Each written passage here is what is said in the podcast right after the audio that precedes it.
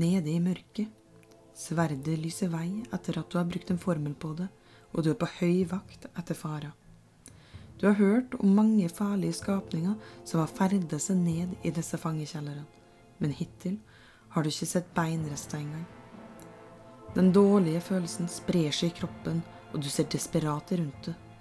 Du så den ikke komme, men nå kjenner du kroppen sakte bli omfavna av en slimete gelékonsistens og beinrester. Mitt navn er Odny, og jeg kommer til å være deres fangemester gjennom denne podkasten om Dungeons and Dragons fra bakskjermen, hvor vi snakker om alt fra historie i spillverden til spiller- og fangemestererfaring. Og i dag skal vi snakke om et ganske så kjent monster i Dungeons and Dragons. En skapning som kanskje ikke virker så truende, men som kan gjøre mer skade enn det man tror. Det er nemlig ingen ringere enn gelékuben, altså en gelatinous cube, som vi skal snakke om i dag. Gelékuben er et av de monstra som til tross for sin enkle og forståelige statistikkblokk, som ikke blir brukt sånn innmari masse. Og det skal vi forhåpentligvis endre på i dag. Mange blir kanskje litt skremt av den veldig lave rustningsgraden, men ikke la det lure. Her er det mange måter å jobbe seg rundt dette på. De største fordelene du har, er lokasjon og synlighet. Rustningsgraden, altså det som er bedre kjent som AC og armor-classen på engelsk, er nemlig veldig lav på dette monsteret. Rustningsgraden til en gelékube er nemlig bare på seks, noe som er veldig lavt i forhold til det mange andre monster har. Men den lave rustningsgraden gjør det mulig for eventyrere på både lav og høy level å treffe. Man skal nemlig nesten rulle en naturlig én for å ikke kunne treffe dette monsteret. Men så var det tilbake til dette med lokasjon og synlighet. Men så er det jo sånn at man finner jo som oftest disse gelékubene i fangekjellere, huler og andre trange, mørke steder som ofte ikke gir særlig masse rom for å gå i rundt eller å stikke av. Kanskje du har lurt eventyrerne dine inn i en hulelabyrint hvor mange veier leder til ett rom som fungerer som en blindvei. Enten den feile eller klare sansesjekken som kreves for å oppdage gelékuben, er de nå innesperra da den dekker hele inngangen. For ja, siden gelékuben og for seg sjøl er gjennomsiktig, krever det nemlig en sansesjekk på vanskelighetsgrad 15 for å i det hele tatt klare å oppdage den selv om man står innen fem fot av den. Du har altså en nesten usynlig fiende å jobbe med. Denne vanskelighetsgraden kan selvfølgelig justeres etter hvor mange ting som flyter inni selve gelékuben.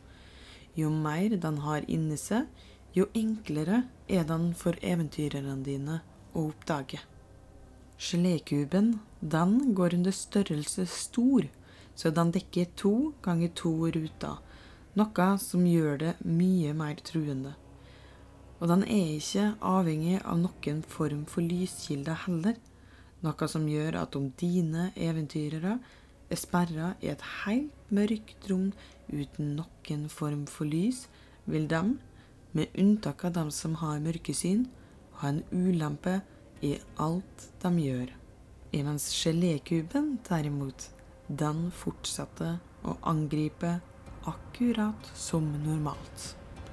Den har jo nemlig blindesyn. Gelékuben har blindesyn som strekker seg i 60 fot. Men utenfor denne sona kan den ikke sanse noe som helst. Dette vil si at uansett hvor snikete eller stille eventyrerne dine er, så kan de likevel blir oppdaga bare av å bevege seg eller å være der. Dette er selvsagt helt opp til fangemester å avgjøre. En blindesyn vil altså si at han ikke bruker øyne eller ører for å kunne sanse skapninger, men kan heller oppfatte dem på andre måter, slik som vibrasjoner i bakken, varme, kulde eller andre ting. Om du fortsatt er redd for at eventyrerne dine skal klare denne kampen på null komma niks, så frykt ikke. Går du nemlig for nær, kan du nemlig risikere å bli trukket inn og oppslukt av gelékuben. Dette kan videre føre til en smertefull død for en av eventyrerne, da den ikke kan røre seg eller puste inne i gelékuben. Og man tar den sammenlagte sum av ni til seks skade hver eneste runde man er inni den. Man kan på sin tur ta en styrkeskikk for å komme seg ut, men om man feiler på styrkeskikken med vanskelighetsgrad 12 for å komme seg ut, tar det ikke lang tid før helsepoengene begynner å renne ut. Og om dette enda ikke var nok for å forsikre deg om at gelékuben er en absolutt verdig fiende for eventyrerne dine, så vit at én gelékube kan ha så mange som fire medium og små skapninger oppslukt inni seg på samme tid. Med en sum på 84 helsepoeng vil dette by på en utfordring for mange, lav eller høy level. Men pass på, det kan fort by på en total partydreper. Her kommer to forskjellige scenarioer man kan bruke gelékuben i. Disse kan man selvfølgelig justere etter hvor vanskelig man vil gjøre det for spillerne og eventyrerne sine. De mørke, trange gangene ser ikke ut til å lede noe sted. De eneste lydene man kan høre, er det møkkete vannet som drypper ned veggene.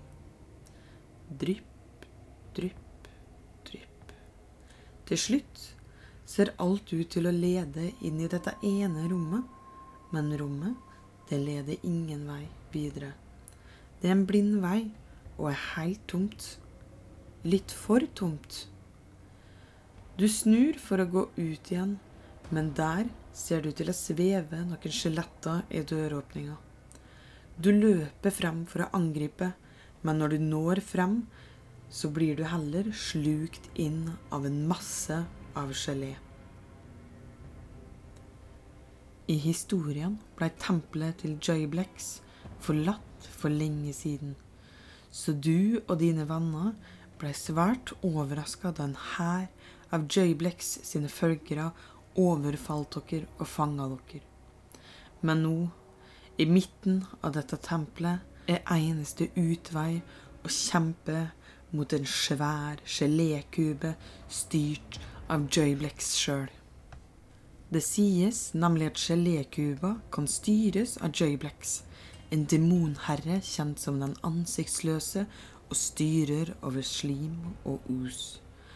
Da blant annet gelékuba, svarte puddinger og grå usa. Disse er alle i samme monsterfamilie, og alle går under monstertypen us. Fellesnevneren her er at de er alle laga av slimete og geléaktig materiale som kan gjøre mye mer skade og destruksjon enn det man kanskje først er klar over. Monherren Jablex skal være en av ekstremt få som faktisk kan ta over og kontrollere disse rare skapningene. Så pass på ikke gå inn i feil tempel uforberedt. Jeg håper at du likte denne episoden om et velkjent monster, men et som kanskje er undervurdert av mange. Har du tenkt på å inkludere denne slimete og fryktinngytende skapningen i ditt spill før? Kanskje du i det minste føler deg litt mer viten om hvordan akkurat du kan bruke gelékuben for å sette en liten støkk i både eventyrerne og spillerne dine. Og ikke minst håper jeg at du koste deg med denne første, litt korte, episoden i sesong to av Fangemesteren. Takk for at du har hørt på Fangemesteren.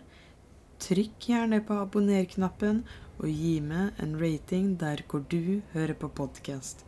Så håper jeg at du vil bli med på denne reisen videre inn i dype skoger og bak høye fjell. Så ses vi i neste episode.